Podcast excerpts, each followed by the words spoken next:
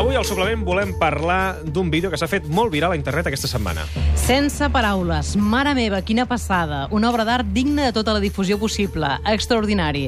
Aquests són alguns dels comentaris que han deixat els internautes a un vídeo que s'ha fet viral aquesta última setmana. L'espot es va penjar dilluns. Uh -huh. Es tracta d'un spot d'una marca de cervesa que sona així. Lo que tenemos, ya lo sabemos. No necesitamos ver nuestras calas cristalinas en anuncios llenos de modelos jóvenes y guapos y el paisaje mediterráneamente espectacular. Ya sabemos lo bonita que es nuestra costa y cuánta gente viene a soñar sus veranos aquí. Pero sabemos más cosas. Cosas que los que se van en septiembre ni siquiera imaginan. Cosas que esos anuncios no te van a enseñar. Las calles desiertas en invierno. Las barcas esperando en la playa. Las olas feroces.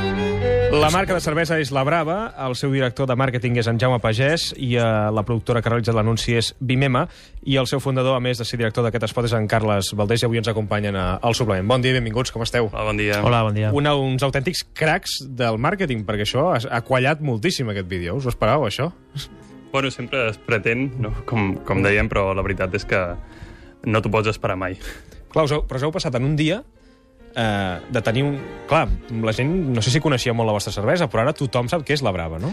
Tot just comencem ara la campanya. De fet, de, la distribució va començar fa 5 setmanes i ha sigut una sorpresa per tots. És el que esperes, però, però bé, està passant, no? El vídeo té 363.727 en aquests moments, eh? Per què creieu que ha triomfat tant aquest vídeo? Jo penso que hem dit alguna cosa que la gent estava... O sigui, molta gent pensava, i nosaltres ho hem explicat, no?, que estem una mica cansats de l'estil de, de comunicació a nivell de begudes alcohòliques i sobretot amb la cervesa, de crear universos que no existeixen, crear... Està molt bé crear fantasia i crear experiència amb el màrqueting, però la gent el que vol és que li expliquis coses que, que pot veure pel carrer i que, i que existeixen i que són palpables i, Mhm. que, i que quan van a la Costa Brava veuen aquesta Costa Brava que nosaltres estem explicant. Clar, però els anuncis de cervella, de cervesa que estem acostumats a veure, d'aquesta Costa Brava fantàstica, no? té la imatge d'una cervesa suau, tranquil·la, agradable. La vostra és una cervesa dura? No, No, no, no, no. perquè l'anunci és això, voleu explicar la duresa o l'altra cara del Mediterrani, no? Transmet... No, el que transmetem molt són els valors que té la Costa Brava. Mm. Els valors que també tenim com a, com a perso les persones que formem la marca i com a marca, al final, no? Que al final som quatre persones que formem aquesta empresa i que tenim aquests valors personals que intentem transmetre, no? El valor de l'esforç, del respecte pel, pel territori, de l'honestedat, de determinades coses que, que van totalment al, al, uh, en direcció contrària en el màrqueting tradicional de la beguda, no? Com va anar l'encàrrec? Bé, doncs eh, ens van contactar el Jaume, amb els seus dos socis a, a la Brava, Mm. eh, arran de vídeos que havien vist, vist nostres, i bueno, ens van explicar una miqueta del que volien transmetre, el que no volien transmetre, i en base a això pues, vam començar a treballar. I us van transmetre aquesta filosofia, no?, de cervesa? Sí, uh, bueno, el Carles se'n recordarà millor que jo poder, però quan ens vam seure per primera vegada el que li vaig transmetre és això, el que volíem, no? El que buscàvem i el, sobretot el que no volíem. I, i els hem deixat treballar molt lliurement. La veritat és que han fet el que hem volgut. Clar, però volíeu fugir d'aquestes festes eivissenques. Exactament. Volíeu fugir de tot això i mostrar com, per exemple, hi ha gent gran banyant-se al mar. Sí, el, el, més que fugir de determinades coses, el que, el que trobes a la Costa Brava no tots són models. I Clar, però és curiós, perquè vosaltres que sou experts en màrqueting, Sí. que ara ja el que ven ja no és l'estilisme i la perfecció, sinó el defecte. Bueno, la gent jo crec que es vol sentir identificada i empatitzar amb, amb el que està veient. Llavors no crec que, que mostrant eh, actors i festes que no es poden fer per la llei de costes eh, s'aconsegueixi això, no? Actors guapos i hipsters i tot això. Llavors, el, el que vam fer nosaltres i la premissa era que la gent que sortís fos gent real. De fet, no hi ha actors al nostre spot. No hi ha cap actor. No. Tot el que surt són gent que es vau trobar per allà. Sí, bueno, eh, eh, vam fer una feina de, de localització les setmanes prèvies, una feina bastant dura, i, i bueno, vam anar explicant el projecte a la gent que anàvem trobant i també informant-nos de a qui podia interessar i qui podia ser el perfil que, del que estàvem buscant. Els hi vam explicar el projecte, el que volíem transmetre, i la veritat és que vam tenir una resposta molt, molt bona. Però amb la cervesa hi ha dos tipus d'anuncis, potser, no? Els que volen ser internacionals, no? Eh, un lugar llamado mundo, per exemple, no? I els altres que busquen lligar-se molt al territori, no? A l'ambient. Vosaltres heu optat per tornar cap a casa. La Costa Brava, pels quatre socis que formem l'empresa, és un lloc especial. Eh, alguns d'ells hi viuen i tots hi passem els estius, i hem passat els estius.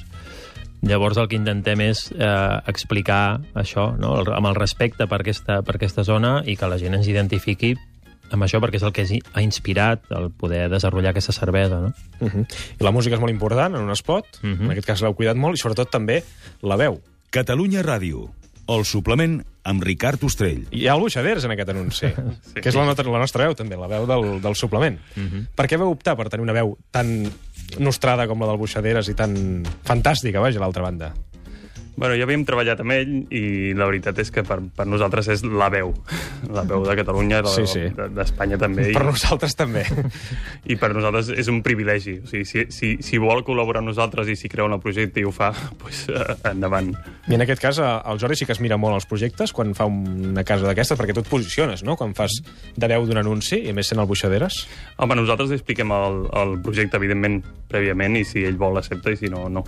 Amb, amb l'anunci es nota molt que sou gent que coneixeu la zona i jo, el que inspira molt és la Costa Brava quan no és estiu.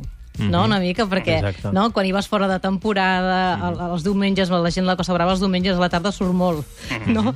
Vull dir, una mica és això, no?, el tema també. Sí, sí, sí. El, és que et transmet coses molt diferents, no? La, la Costa Brava té molts matisos, té molts racons i, i, i jo convido la gent a que hi vagi ara a passejar-se, no? Per, uh -huh. pels entorns que, que, hem, que hem estat mostrant, perquè sentirà el que...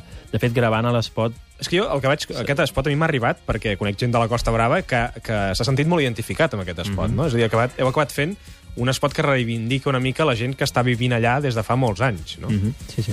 Que al final Exactament és això, lliga territori, però esteu fent marca de- d'una cervesa. Per cert, un oient ens pregunta per telèfon si és cert que la cervesa és feta a Txecoslovàquia. Uh, no és exactament així. Uh, en el projecte d'empresa que tenim, nosaltres des del principi havíem pensat en fer una cervesa industrial, o sigui, una cervesa de gran consum, que poguéssim abastir el, el gran consum, però de qualitat. Aquest és el repte, bàsicament. A partir d'aquí, eh, per poder abastir a gran consum i no tenir que treballar artesanalment, has de treballar en grans plantes de producció. A dia d'avui, cap dels quatre tenim 20 milions d'euros per poder fer aquesta planta i el que vam fer és fer un crowdfunding per poder tenir uns, una, una inversió suficient com per poder arrencar el, el projecte empresarial.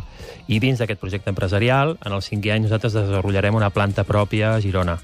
Fins ara el que fem que és eh, amb ingredients 100% naturals i de Girona, això és molt important, Mm. d'ordi de pla de l'estany, tots els elements de, venen de Girona i els portem a la República Txeca amb una planta centenària, a la qual nosaltres hem après com, com es fa la millor Pilsen, perquè la millor Pilsen del món es fan allà, i fem la cervesa allà i la portem cap aquí. Uh -huh. Deixa'm parlar de la teva productora, de Vimema. Eh, en aquest cas heu fet, no és el primer spot que feu, n'heu fet d'altres, però sí que sou una mica especialistes en fer aquestes coses virals. Uh -huh. Puc dir-ho així, no? Sí. Sí. Nosaltres evitem aquesta paraula perquè, tot i que la portem amb l'ADN i en el nostre nom, perquè Vimema és Viral Media Marketing, Clar.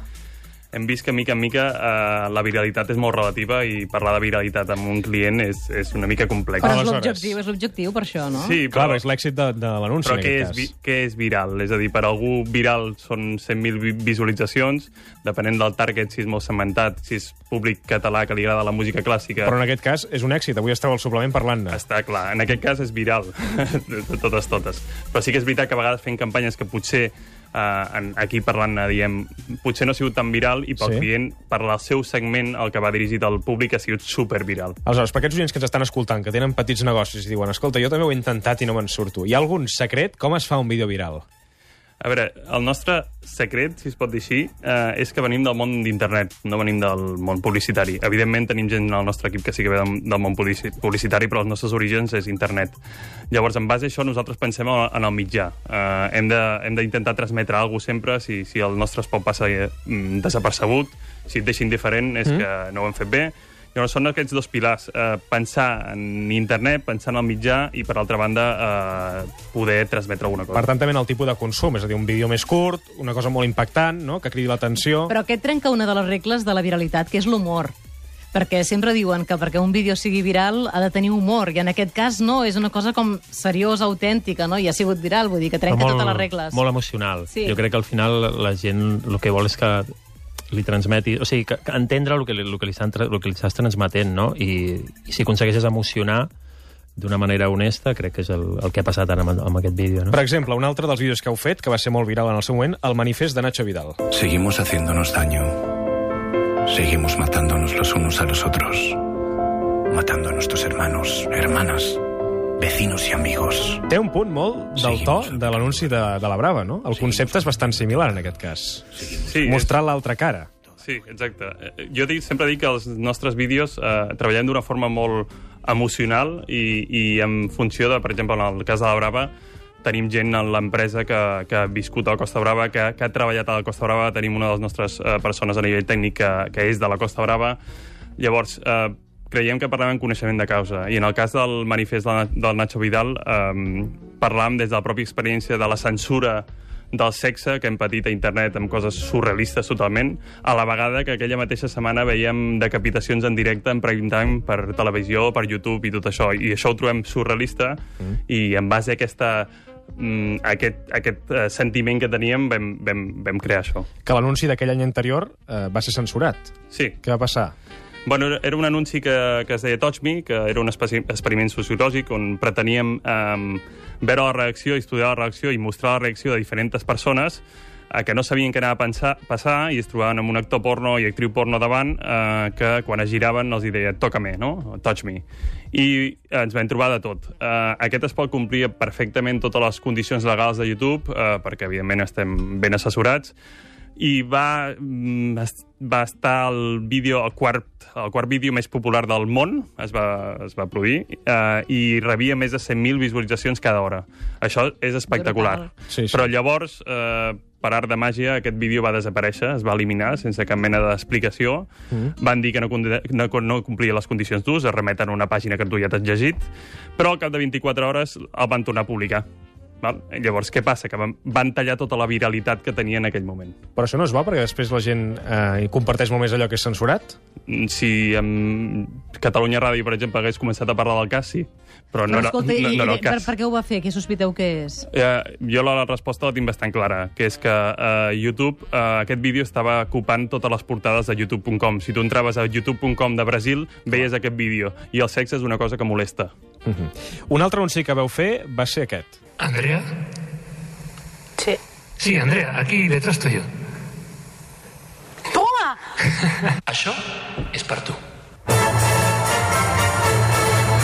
Era un anunci que feia posar la pell de gallina. Jo el vaig veure el dia de l'estrena d'aquest anunci i era fantàstic. Era l'Orquestra Simfònica de Barcelona i Nacional de Catalunya i explicava, eh, el que intentava era premiar a la gent que dia a dia està fent costat, a, en aquest cas, a, en aquestes formacions i, per tant, la convidava en una sala, li deia gira't, i tota l'orquestra tocava només per aquella persona, no? Mm. Era molt bonic, això.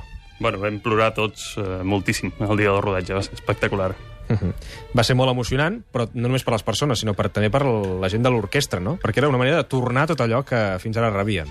Sí, la veritat que al principi, quan, quan parles de fer una cosa diferent, eh, pues sempre xoca una miqueta, però al, al moment que, que van veure la reacció de la gent i, i, i les cares que són impagables, pues, tothom va quedar amb una sensació Clar, espectacular. fer-ho real, fer la publicitat real és el que enganxa més, sí. no? Bueno, Bus, buscar aquest punt, no més humà de les coses, no? Intentem sempre eh, que la gent empatitzi amb el que està veient i, evidentment, fer servir casos reals eh, ajuda. Solució Caram, bon dia. Molt bon dia, com estem? T'agrada el que estem explicant avui? Molt, molt, molt. És que t'he vist com amb una cara com molt de fascinació, no? Sí, sí, veig que són uns cracs realment. Podríem haver fet la- l'anunci de los comprometidos. Podria ser, eh? no? segurament l'hauríem Perquè, viralitzat més. Clar, que hauríem només per viralitzat... les- No, però ja n'hi ha... Perdona, està molt viralitzat, no, no, eh? perdona, que està tot arreu a la Està xarxa. tot arreu, està tot arreu. Uh, el que sí que t'has negat, tu, uh, Jaume, és a fer mm, anuncis per partits polítics. Carles, Carles, perdó.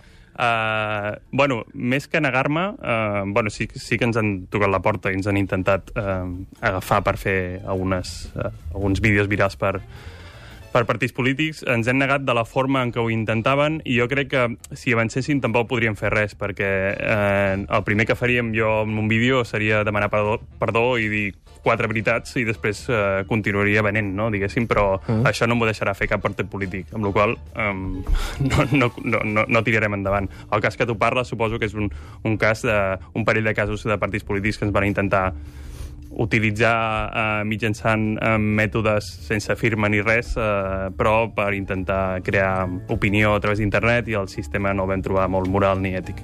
Avui hem convidat, eh, en aquest cas, el Carles Valdés, que és director de l'espot de la cervesa La Brava, i el Jaume Pagès, que és responsable de màrqueting de La Brava, en aquest espot que s'ha fet tan viral aquesta setmana i que avui al suplement doncs, havíem de recollir-ho perquè altres mitjans no ho han fet i, per tant, nosaltres creiem que era un dels fenòmens de la setmana i ho havíem d'explicar en aquest programa.